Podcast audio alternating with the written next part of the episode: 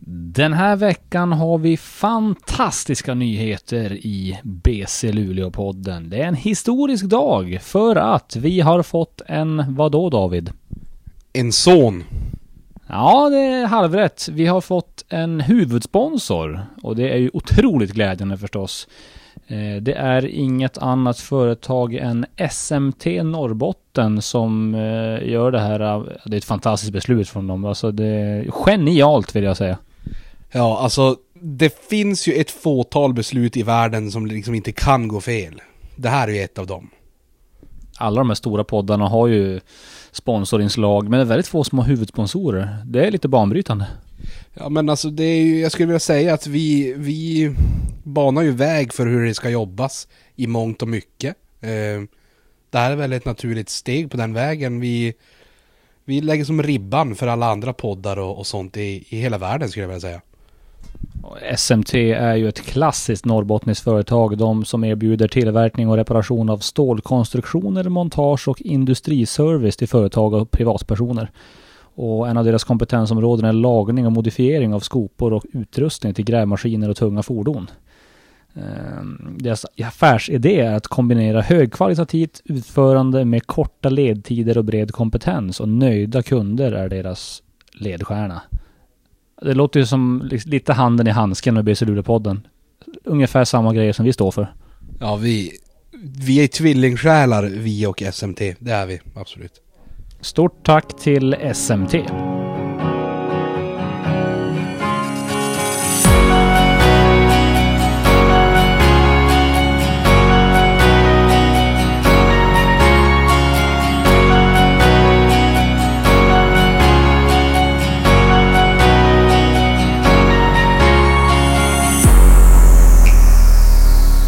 Ja, hallå där basketvänner! Och varmt välkomna till ett nytt avsnitt av BC Luleå-podden med mig, Max Wik och min vapendragare David Keso Nilsson.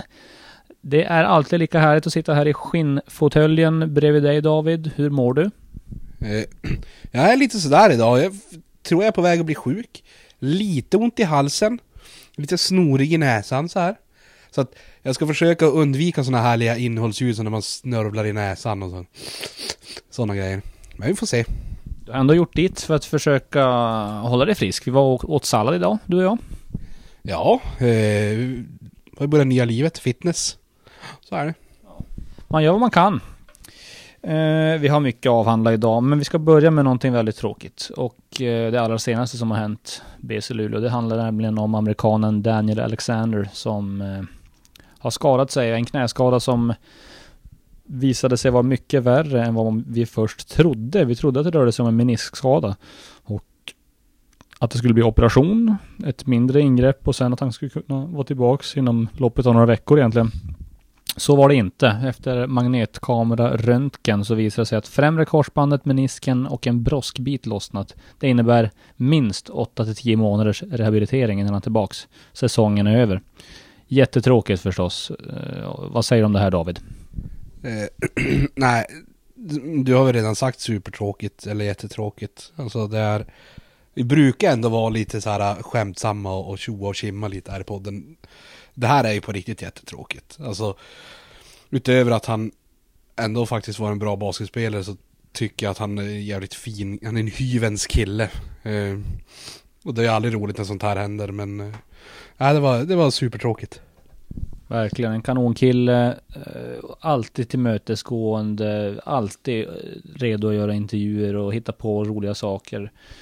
Vi släppte en liten video med honom precis här nu när han som han själv bad om att få göra. Där han ville tacka klubben och fansen och staden för sin tid här som blev lite kortare än vad det var tänkt. Så att verkligen skittrist med en sån kille som man tappar. Men vi måste ju också blicka framåt. Ehm, nu har vi tappat en spelare som har skjutit 47% från trepoängslinjen. 13 poäng, 6 returer per match. Där man hör det så, är, hur, vad tror du om att ersätta det? Nej, det är väl... Det är klart att det är inte bara att ta vem som helst för att ersätta det, men det är inte görbart. Sen ska man säga att de där 47 procenten hade kanske inte hängt runt 47 procent hela året. Men, men det är klart att jag tror att det är lättare att ersätta siffrorna än, än snubben. Liksom. Eh, siffrorna tror jag, det, det kommer att lösa sig. Där har jag fullt förtroende för herr Håkan Larsson och herr Peter Ökvist. Eh, och herr, kanske Lars Mosesson. De kommer lösa det där. Det tror jag också. Det är ju bara att man ska ha en, en spelare som gör det här i systemet. Eh, man vill ha någon som passar in ungefär på den här profilen som man har haft. En, en rörlig fyra som kan skjuta treor och attackera lite med magen mot korgen och sådär. Ehm, ja, hur många sådana här spelare finns det ute på marknaden nu egentligen? Är det dåligt eller bra läge David? Du som är in, du är ju ändå coach. Jo, men kanske inte superinsatt i just den här spelarmarknaden eftersom att jag har svårt att tänka mig att vi skulle få en dispens för, en, för just den här spelaren då i, i där jag är aktiv. Nej men det är väl, jag vet inte hur det ligger i tid, kanske lite för tidigt för att folk ska börja ha fått sparken från andra klubbar eller lämnat för att de inte har fått lön. Ehm, Men det är klart att det är ju en spelartyp känns det som att det finns en del av dem. Sen är det ju inte ett jättelätt jobb men, men eh, det kommer att lösa sig tror jag. Jag tror en väldigt stor del är ändå att man kommer vilja ha en person som, det är ju en grupp som trivs bra tillsammans där. Man vill ha in någon som passar in i den homogena gruppen eller vad man nu, vad man ska kalla det för. Ja, nej, precis. Och det är det jag menar. Jag tror att siffrorna är lättare att ersätta än en snubben, säger jag igen. Jag tror, alltså, basketmässigt så, så kommer det att lösa sig. Sen kanske det inte löser sig idag eller imorgon, men jag tror inte samtidigt att det är någon superduper stress i att få det löst i veckan kanske. Eh, det säger jag, jag har egentligen ingen insyn. men, ja. Nej men jag tror, det, det där kommer lösa sig. Det, det är ju bara tråkigt att, att situationen har uppstått överhuvudtaget. Det är ju en grymt viktig värvning ändå, får man säga. Eh, utan Alexander så tappar vi en eh, naturlig målgörare, en returtagare. Vi behöver en, en till spelare som ska vara bärande, för Alexander var ju tänkt att vara en av våra bärande spelare. Nu behöver vi ha in ett, ett riktigt pulver, som man säger. Ja, nej så är det ju. Alltså det, det behöver ju in, inkompetens för att drömmarna om guld och sånt ska, ska leva. Uh, men jag vet inte hur många gånger jag ska säga att jag, jag tror att det löser sig. nej, men det, det är som du säger, det är ju en bärande spelare. Eh, och det går ju som inte att ta in vem som helst. Eh, och tro att, att det ska lösa sig. Sen är det fortfarande en, en bra grupp, både killar och basketspelare som är kvar. Men, men kanske inte nu har, som det ser ut nu, har spetsen att, att göra någon riktig skada i kanske en SM-final och så här. Men, men det, är ju, det går ju snabbt inom, när man hittar någon och så, och så blir det bra och så visar det sig att det är någon superduper spelare och så blir det bra det här i slut, slutändan. Vi har ju sett exempel på sådana här värvningar som har blivit succé. Vi har sett exempel på sådana här värvningar som har floppat. Eh, John Williamson är ju en spelare som kom in till exempel mitt i en säsong kan det ha varit 2000, nu är jag riktigt ute och cyklar här. Tror på sista Plannja-året, Brandon McKnight var med det året. Eh, spelade final som vi förlorade mot Norrköping. Eh, vi hade ett jättebra lag då. Men eh, med Krille Ryan och Gustav Nyström och jäkla gäng där. John Williamson kom in och var ju exakt, alltså nästan lite för bra. Ja, vi pratade faktiskt i podden med Mattias Kent om det här. Han kom in och var och var nästan lite för mycket bättre än vad man trodde och liksom var ju en superjäkla spelare. Så han är ett exempel på när det har gått riktigt bra. Ja, det kommer jag ganska väl ihåg. Alltså han gillat honom. Han var ju bara här en halv säsong som du sa. Alltså, men gjorde ett jäkla avtryck skulle jag vilja säga i, i alla fall i min näthinna. Jag Han, han var bra på basket. Ja, väldigt effektiv runt ringen. Eh, riktig scores mentality sådär. eh, Nej, bra kille, kille runt två meter lång. Sen har ju sedan dess haft en jättefin karriär. Han spelade i Filippinerna och Israel i högsta ligan. Jag tror han har blivit All-star i israeliska högsta. Han var en vända i Bucken Bears. Eh, Och nu senast har han varit i israeliska andra ligan. Och nu tror jag han jobbar som mäklare hemma i USA. 32 år. På väg att bli 33. För alla er som vill veta det. Det låter nästan som att du har gjort lite efterforskningar på honom idag med det här Max. Nej, det har jag inte gjort. Det här är faktiskt någonting som jag vet sedan tidigare. Du, du har den där infon i bakhuvudet om, om i princip alla spelare som någonsin har varit i Luleå. Nämn, nämn en uh, tidigare amerikan ska vi se vad jag vet honom. Ja, Erik Elliot.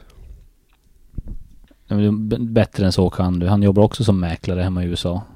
Ja, eh, men vad, och vad heter han? Eh, han som var så... Adamson kan vi ta då. Vad gör han? Den var svår. Han slutade spela basket professionellt efter han var i Plannja. Ersattes av Carlos Wheeler, flyttade hem till Nashville, Tennessee där han kom ifrån.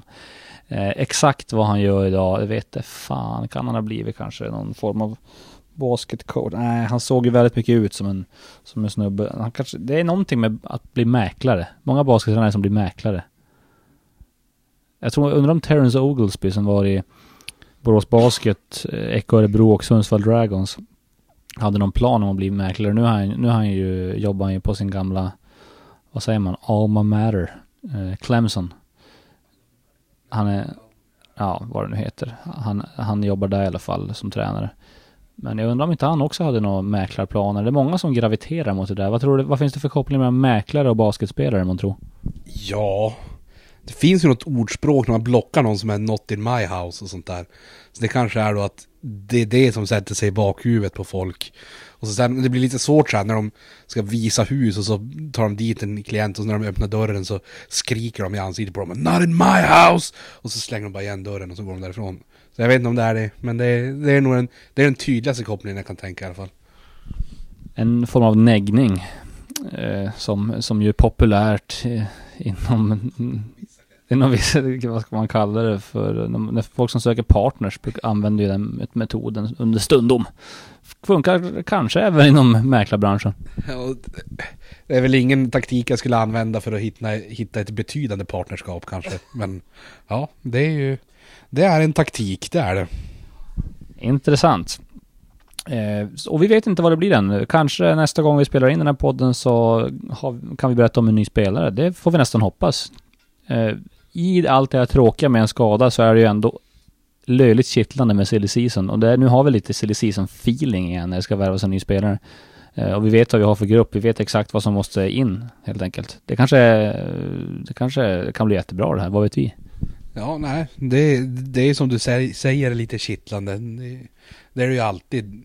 Alltså det är alltid spännande med någon, någonting nytt och när, när man vet att någonting kommer hända. Då är det bara att hålla tummarna att det blir bra.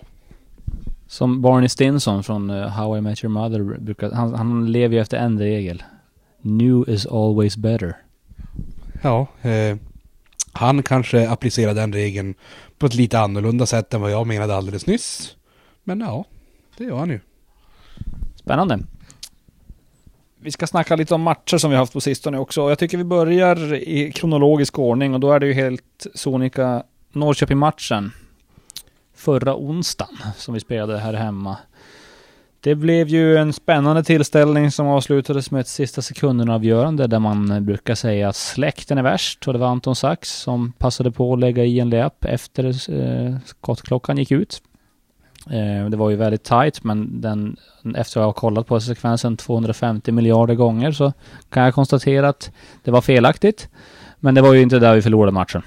Eh, nej, det var ju en eh, en himla massa felbeslut och, och, och konstiga pass kombinerat med en stundtals ganska dålig defensiv returtagning som kanske la grunden för att eh, det inte skulle gå hela vägen, skulle jag säga. Tappade ju en del i den defensiva returtagningen när Alexander skadade sig. Det var ju redan i den andra perioden. Bryce Massamba saknades. Det är ju inga ursäkter, men det är klart att det blir kännbart. Ja, och som du säger, nu har ju Bryce varit borta så länge så, så det hinner man nästan glömma bort. Men, men det är klart, Alexander hade ju tagit vad, sex returer innan han blev skadad tror jag. Och, och Bryce är ju bra och stor och tar mycket returer och, och är i vägen mycket och så här. Så det är klart att det är ju det är kännbart när två, båda de två kropparna försvann. Eh. Men, men det, det är inte sista matchen för i år. Man måste ändå säga att Norrköping var det bättre laget. Det kändes som att de hade kontroll på den där matchen egentligen. Ja, det ska man väl ändå säga. Jag, ja, alltså. Sen var det ju nära. Luleå kom ju tillbaka där mot slutet. Eh, satte några treor och, och jagade ikapp lite grann. Så det, det hann ju bli spännande. Så, så helt lugna var nog kanske inte Norrköping. Men, men, eh, men det var ju välförtjänt. Måste jag säga. Och det var ju en speciell match på många sätt. Den blev försenad i med en 20 minuter ungefär. För, att eh, Svenska Basketbollförbundet hade ju missat att boka domare till den matchen. Det får ju inte hända såklart. Eh, men det känns som att vi inte kan eh, undvika att prata om det om vi pratar om den här matchen. Eh, inga domare dök upp, så med en halvtimmes varsel så fick eh, folk eh, runt BC Luleås organisation i och runt om ska vi säga rodda ihop det där och det blev så att en eh, Luleå-trio av domare, Niklas Flymalm, David Lövgren och Rickard Lundberg klev in och, och dömde det där med bravur får man ändå säga. Eh, så att ingen skugga ska falla över dem. Nej, de, de gjorde ju de gjorde en bra match. Sen hade de ju kanske de sämsta förutsättningarna någonsin, alltså som någon domare någonsin haft i en, i en högsta liga i någon sport i någon del av världen. Så jag tyckte de skötte sig alldeles utmärkt. Alldeles utmärkt. Ja, nej, det var ju en väldigt tråkig miss av eh, förbundet där. Man förstår ju att missar kan hända och Ja, jag ska inte vara för kritisk. Shit happens helt enkelt. Matchen spelades och det, det blev ju ändå bra till slut. Eh, sen har ju Rickard Lundberg och David Löfgren har ju löjligt mycket rutin från att döma på den där nivån, så det var ju som inga problem. Niklas Flymalm har aldrig dömt i SPL här, men eh, kanske kan vänta sig lite uppdrag nu efter det här. Ja, det kanske kommer. Nej, han skötte sig. Han har till och med aldrig dömt i tre domarsystem skulle jag nog kanske gissa. Eh, så bara det är ju en nog stor omställning. Det var, det var, det var stort av dem. Det var stort av dem. Sannerligen. Eh, men efter matchen då, på Norrköpings hemsida så gick man till attack mot domarna. I vanlig ordning. Det där har jag totalt missat. Det har du missat. Nej, alltså på fullt allvar. Jag har inte sett det här. Är de, är de seriösa? Ja men jag läser upp lite grann. Eh, Det, jag, jag talar ju i rubriker ska vi säga när jag säger attack. Ja, okej. Ja, ja, ja, det fattar jag ju också. Du, du pratar ju så konstant. Men få höra. Det här är ett litet eh, utdrag här då. Sedan följer ett par egendomliga sekvenser som drabbar Dolphins där Jonte Duba blir helt felaktigt avblåst för stegfel ensam i ett fast break och Tim Skyberg får en foul när han och Daniel Alexander trampar varandra på fötterna. Det var första. Andra är, man kan avsluta korten snyggt trots, några, trots flera konstiga faulavblåsningar när, nu- när Luleå-spelare halkar omkull på reklamskyltar. Ja, alltså jag, det, jag, jag tror vi har täckt det här ämnet förut. Jag tycker det, det gör sig alltså, fantastiskt dåligt att skriva i matchreferat och sådana där grejer. Alltså även, nu är det inga monstersågningar, det är ju inte någonting som den här, vad heter han, hockeyspelaren i AIK. Det är inga sådana sågningar. Men alltså det känns så tråkigt att ta upp det överhuvudtaget. Alltså, jag vet inte, det känns så jävla litet. Jag orkar inte ens kommentera det där. Ja, det- Vi har, som du säger, vi har varit inne på det här förut, men det... Min stora invändning mot det är ju bara att det är inte skribentens sak att tycka det i den här, inte i artikelform åtminstone. Hade det varit en krönika, hade det varit något annat. Hade det varit eh, en podd eller ett pri, privat Twitterkonto, då hade vi kunnat snacka. Eh, Men eh, i de här formerna av artiklar så, så i min bok i alla fall, som jag har blivit lärd så, så de egna åsikterna ska väl helst inte lysa igenom kanske. Även om det är på Norrköping Dolphins hemsida. som. Ja, nej, nej det ska det inte göra. Alltså egentligen inte under några omständigheter. Det är som du säger, hade det varit någon krönika eller, eller något sånt där eller något, något tyckargrej så får det väl stå för personen i fråga. Men jag vet inte, det ser så fjantigt ut när det ska vara i matchreferat och, och sådana där grejer. Nej, det onödigt. Alltså det, de spelade ju en bra match också. Alltså, och, och det är klart att det var, det var blåsningar åt båda hållen som inte alltid var jättebra, men det är ju för fan varje match. Eh, och sen var det sjukt svårdömt för att det var fan grisigt åt båda hållen. Alltså, det, Norrköping var inte oskyldiga i att det var, skulle ha varit någon så här mysspel där ute, utan det var ju många fula efterslängar som, som, äh, jag blir, jag blir typ arg. Vi går vidare. Ja, nej, men eh, vi lämnade vid att Norrköping förtjänade att vinna och gjorde det också. Vi har ju, vi har ju, hela förra podden var ju lite passningar mot Norrköping, några få. Men det, man, jag, jag tycker ändå vi ska understryka att det är någon form av glimt i ögat när det här görs. Jag tycker ändå det är viktigt att säga. Ja, det är alltså, för, förra avsnittet framförallt är ju, det är ju jättemycket glimten i ögat och sen, alltså, jag tycker all interaktion som, som sen händer på Twitter är ju också jättegenomskin, jättegenomskinligt med, med glimten i ögonen. Så, och det har jag inget problem med, sånt är ju bara roligt och skapar ju som bara uppmärksamhet. Det här är ju, eh, ganska tvärtom. Det blir ju bara pannkaka. Det är ju onödigt att hålla på så där. Sen var det Vätterbygden då. Det var i lördags. Nej, i fredags. Be om ursäkt där. Och eh, ja, det blev ju en eh, match där vi tog en tidig ledning, tappade allt. Eh, kom tillbaks och vann. Men eh, ganska övertygande insats i slutet av tredje och fjärde perioden. Jag tror faktiskt att vi tillät, tillät Vätterbygden att bara göra tre poäng där i den fjärde perioden. Ja, men det är... Tre poäng stämmer. Assisterande coach Håkan Larsson, jag har inte sett matchen, eh, påstod att det inte var ett enda spelmål heller. Att det var, bara var tre straffkast. Eh, och det är ju ganska spektakulärt i sådana fall. Det trixades med lite zoner och sånt där vad jag har förstått. Det är alltid kul att se sånt. Det är inte varje dag de, de lappar fram en gammal 2-3-zon. Nej, det är, det är lurigt. Det kanske man inte förväntar sig heller, men det är, det är ett bra vapen att ha i, i ryggsäcken. Eller redskap att ha i verktygsväskan, kanske är mer politiskt korrekt att säga. Jag, jag såg faktiskt att de skrev på Vätterbygdens hemsida efter det där att de var, de var en, fortfarande timmar efter matchen så funderade de på vad, vad var det där för zon egentligen? Var det en, en vanlig zon eller var det en, en lite mer matchup-zon eller vad fan var det? Var det en 2-3? Vi, vi vet inte vad det var. Det, ja, man vet ju aldrig. Kommer inte sitta och avslöja här heller. Det vet man aldrig. Har du någon del i att ta fram den här, det här zonförsvaret David? Jag tar fullt ansvar för både segern och eh, BC zonförsvar. Starkt av dig. Eh, nej men det var, alltså, nu, Vätterbygden har inte vunnit hemma, men det, var, det kändes ändå som en viktig seger med tanke på det, de rådande omständigheterna. Det hade ju kunnat gå, alltså jag menar, det är klart att BC Luleå förväntas vinna en sån match ändå. Vi har ju, vi har ju spelare kanske av en annan, en annan kaliber och med landslagsmeriter och så vidare. Eh, men det, man, man, ska ändå, man ska också gå ut och göra jobbet. Ja, herregud. Och så speciellt under sådana där omständigheter när det är eh, folk som har blivit skadade och sånt där. Det, det är nog jobbigt att, att slutföra en match där någon skadar sig. Alltså det blir ju en konstig känsla i magen och så här. Och sen är det... Nej men det är starkt att vinna en sån där match ändå. Alltså det, det är en bra vinst. Det ska inte ta bort någonting från, från någon av lagen. Jag tror Peter Ökvist är väldigt nöjd med den där vinsten.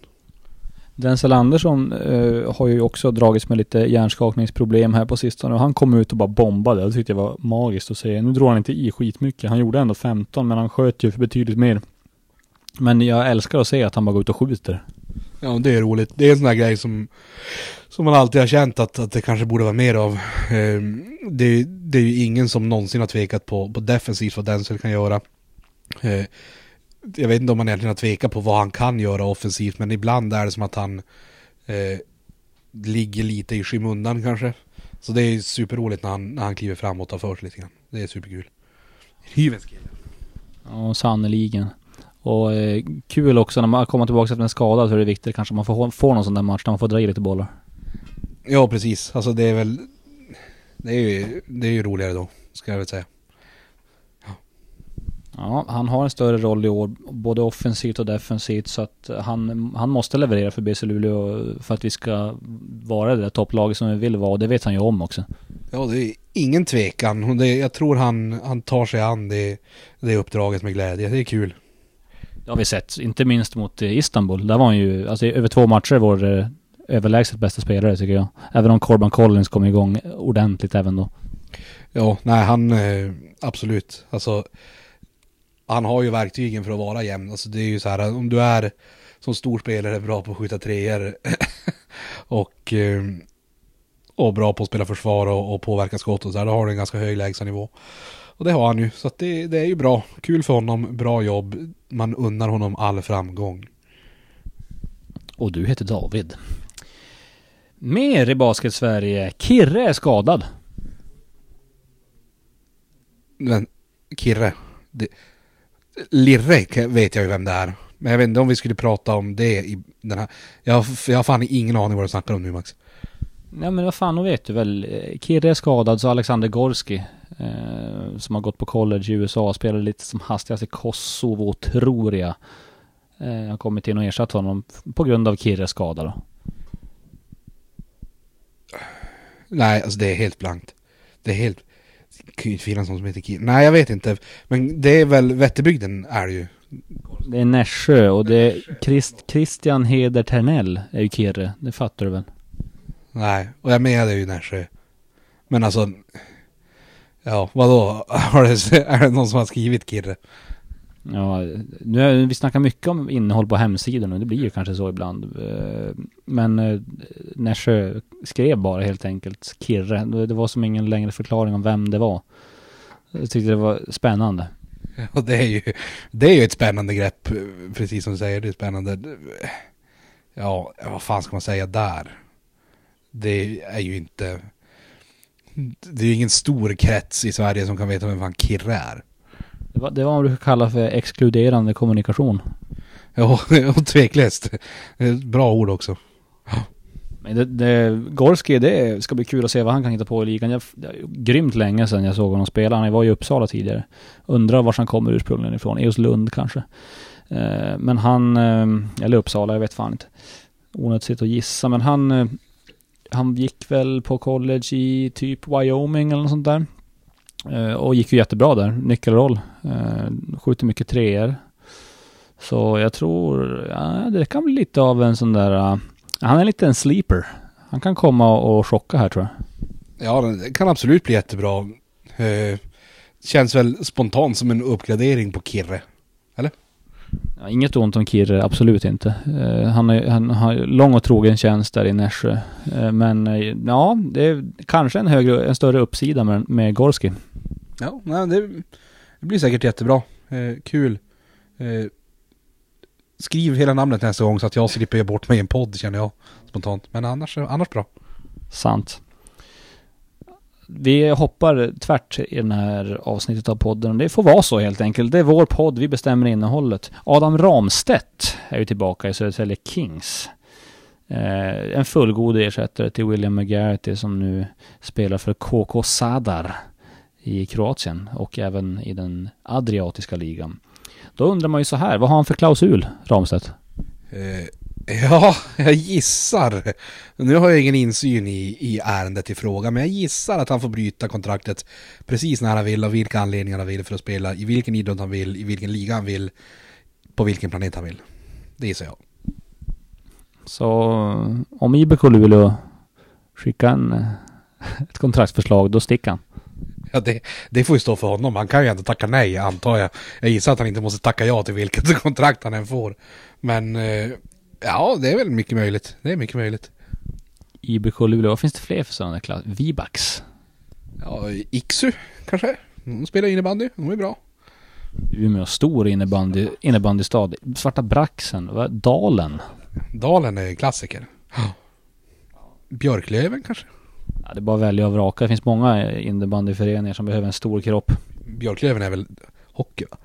Ja, men varför började du dra? Jag var ju inne på innebandy och det det var ju du som började dra in hockey. Ja, men jag tänkte, jag, jag nämner väl storebror då om jag har nämnt lillebror. Ja, visst är det väl så. Nej men eh, det är ju, det var egentligen klockrent för dem. Han drog inför den här säsongen. Det blev inte så länge i Ungern för Ramstedt. Nu kommer han hem och det känns väl som en, eh, alltså det, de får inte mycket bättre ersättare än sådär. Nej, alltså alla skämt åsido så Ramstedt, det är ju jättebra för dem. Alltså, och han har varit del av den där föreningen länge så han vet ju vad som gäller och, och är förmodligen ganska införstådd i, i, i hur det ser ut i spel och allt sånt där. Så att det, det var nog så bra de hade kunnat hoppas på känns det som. Absolut. Några erfarenheter rikare är han också från att spel där i Ungern. Tuff liga. Eh, vad kan man säga mer? Alltså de seglar ju upp där. De, de håller sig i toppen som en, eh, som en...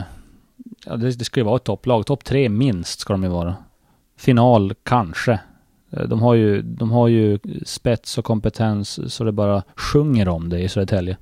Ja, eh, precis som du säger, det, ska ju vara ett topp tre. Sen är de lite skadedrabbade kanske just i tillfället. Men, men i det långa loppet ska de ju absolut vara där uppe. Det, det kan ingen säga någonting annat, inte ens de. Jag har inte läst vad prognosen är på Eric Garcia, deras garda. Jag tror han, han bröt foten. Eh, Så de är ju också i ett jobbigt läge där. Jag vet inte vad, om det innebär att det blir en värvning eller eh, vad det blir. Ja, nej, jag, jag vet inte, jag har inte hört någonting bekräftat att det är bruten fot, men... Ehm, nej, men så är det ju. Det, det är ju en knivig sits. Jag vet inte hur länge man, man är borta med en sån grej. Det beror väl lite på men. Ja, nej men vi får, får hoppas att det går bra för dem. Det är ändå kul med lite slagkraftiga lag i ligan. Visst är det väl så. Men ska vi, ska vi ta och reda ut den här lögnen ändå som kommer, alltså, om Jonas Jerebko och var han kommer ifrån? Det finns ju de som hävdar att han kommer från Kina. Jag tror till och med jag skulle vilja likna det vid en snöboll gjord av bajs som vägrar att stanna. Alltså i konstant nedförsbacke bara. Ta, som tar...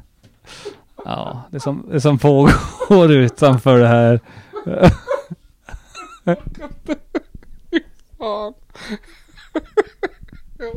Ja, det är barnförbjudna saker som pågår precis utanför poddrummet här. Spex från Eduardo Carazana. Ja, det är jävla...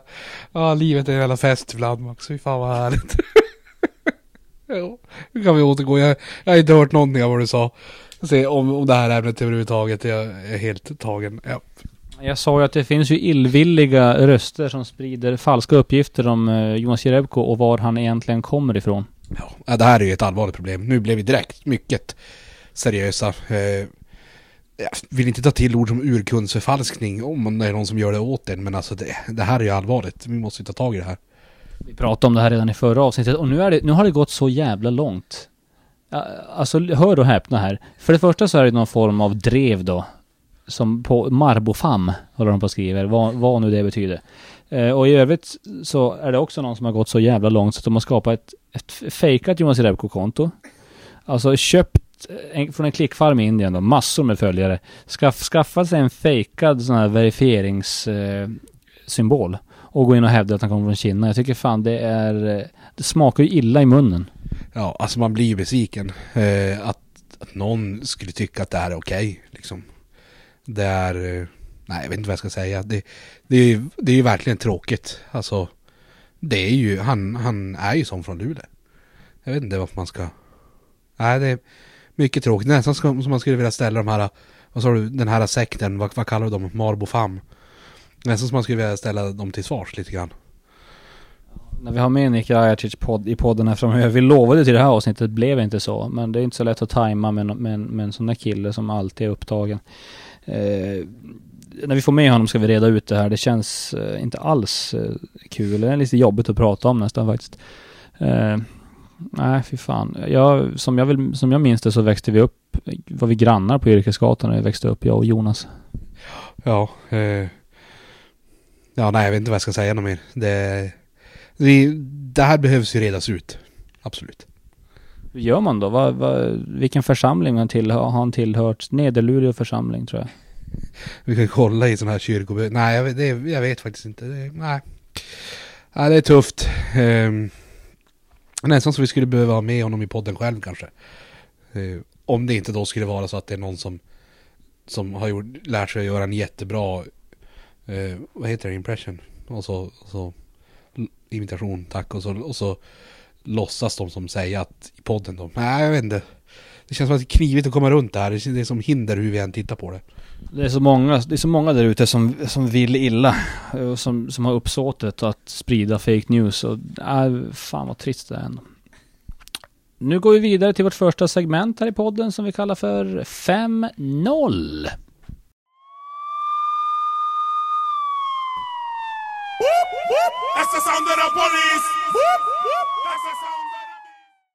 Ja du, 5-0, det är, eller 5-0, det är ju segmentet där vi listar fem saker och sen listar vi noll saker.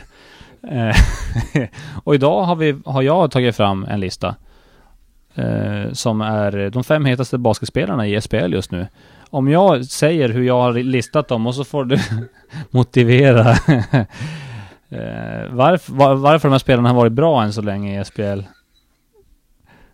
Ja, Ja, nu är den här Eddie-showen på gång här utanför fönstret igen. Ja. ja, det är härligt. Man blir som ett barn. Man blir ju det. Och jag tycker att vi eh, hoppar på plats fem på en gång. Där har jag stoppat... Jag är lite kluven kring den här, men jag har ändå satt Axel Nordström där. Han gör fantastiska siffror som inte går att blunda för, men hans lag bara förlorar, förlorar och förlorar. Så det är som sagt var lite kluven. Eh, nej men det är väl kanske därför han är just femma. Det är ändå svårt att, att ta bort någonting som han har gjort. Mm, måste väl snitta över 20 poäng. Eller? Eh, tar en hel del returer. Är väl allt som oftast den kanske största anledningen till att de är med i matcher. Eh, nej, jag tycker det är befogat att ha med honom eh, på, på femteplatsen. En, en jätteduktig basketspelare. Det är lite tråkigt att se säsongen som Uppsala har nu. Eh, men men, vi kan inte göra så mycket härifrån. Så är det. Och på fyra har jag, har jag en liten slamkrypare här. Som jag inte vet om eh, hela jorden håller med om. Men då har jag tagit från Köping, Alexa Solovic. Oj. Ja. Nej, jag vet inte om hela världen håller med. Vad, vad, vad är din... Hur motiverar du det där? Köping har tagit någon fin seger, bland annat mot BC Luleå. Alexa Solovic är, motorn i det hela. Han är ju högt upp i poängligan, högt upp i assistligan. Han är ju en eh, fullt duglig försvarsspelare med spetskompetenser i att stjäla bollen. Ja, jag tycker att han har eh, fått för lite cred än så länge. Och jag gillade honom när han spelade i Nässjö också tidigare, vill jag understryka. Ja, nej, men det låter bra. Du har ändå tänkt på det där. Han har dess, jag tycker dessutom han har förbättrat sitt skytte som, som ju var hans stora svaghet när han kom till Nässjö. Han var ganska ung när han kom till Nässjö första runt 20. Han, är, han är bara född 93 eller något sånt där. Och där tycker jag han har tagit kliv. Så att eh, Solivic, tummen upp för honom. Ja, alltid roligt. Kul. Bra. Det är jag. Och på plats tre. Det är en kille vi känner igen. Eva Scissorhands. Evariste Shonganya. Frisör Eva, ja. Eh, nej, här är väl inte så mycket att snacka om. Är väl... Eh, snittar en del poäng, snittar en del returer, är bra på basket. Eh, jag vet inte vad jag ska säga. Kanske lite... Det här tolkar det här rätt nu. Han är kanske ändå lite sämre än vad jag trodde han skulle vara. Fast kanske formuleringen på det är att han är inte fullt så bra som han verkade vara alldeles i början. Det, alltså, när man såg första matchen så såg det ut som att han skulle kunna snitta typ så här 28 poäng och 18 returer. Alltså typ lätt. Eh, det förstod man ju kanske att han inte skulle göra. Men, men han är ju en jäkla basketspelare. Verkligen. Han eh, förtjänar den där tredje platsen och på andra plats har jag vår alldeles egna Corbin Collins. Ja, bra, bra speaker-rest också. Rest. Kolla. Eh, nej, men det är lite knackig inledning. Och sen har det gått som en raket rakt upp i himlen. Coolt. Skjuter mycket skott. Eh, spelar bra försvar. Klappar mycket händer och böjer på knän och gör sig stor och sånt. Det är coolt. Han är cool. Mycket. Man hoppas högt när han skjuter också. Det är ju klass med palmblad. Ja, sånt är ju häftigt. Jag har ju sett någon bild på Rip Hamilton. Eh, gamla Detroit-liraren i NBA som, som sköt något hoppskott. Där det såg ut som att han lyfte typ tre meter. Som att han var tvungen att skjuta neråt i ringen typ. Det, sånt tycker jag är häftigt. Speciellt när han eh, knappt kunde dunka också. Att han hoppar så högt på skott, det är fan eh, fascinerande. Ja, det, ja, det är väldigt konstigt det där hur det kan funka så. Men ja, det, det tycker jag är coolt. Jag tycker Corbin förtjänar andra platsen. Och på första plats har jag faktiskt Borås Baskets Nimrod Hilliard som jag tycker har hållit en väldigt hög nivå eh, nästan varenda match än så länge. Högt assistsnitt, högt poängsnitt och nyckeln till det mesta i Borås Basket får man väl ändå säga. Ja, nej, här är det svårt att säga emot. Det där är ju en, en klassspelare. Alltså jätte, jätteduktig, precis som du säger. Mycket, mycket mål, mycket assist. Eh, är väl den som driver hela spelet där och, och allting. Nej, det, det är svårt att argumentera med det där valet. Bra, bra jobb Max. Det om detta. Nästa segment. Och det här har ni väntat på. Det har vi med. Det är tränare eller trams. Tränare eller trams. Tränare eller trams. Tränare eller trams. Tränare eller trams. Trä, trä, trä, trä, trä, trä, trä, trä, na, na, na, na, re, re, re, re, eller, eller, eller, trams. Tränare eller trams. Tränare eller trams. Tränare eller trams. Eller trams.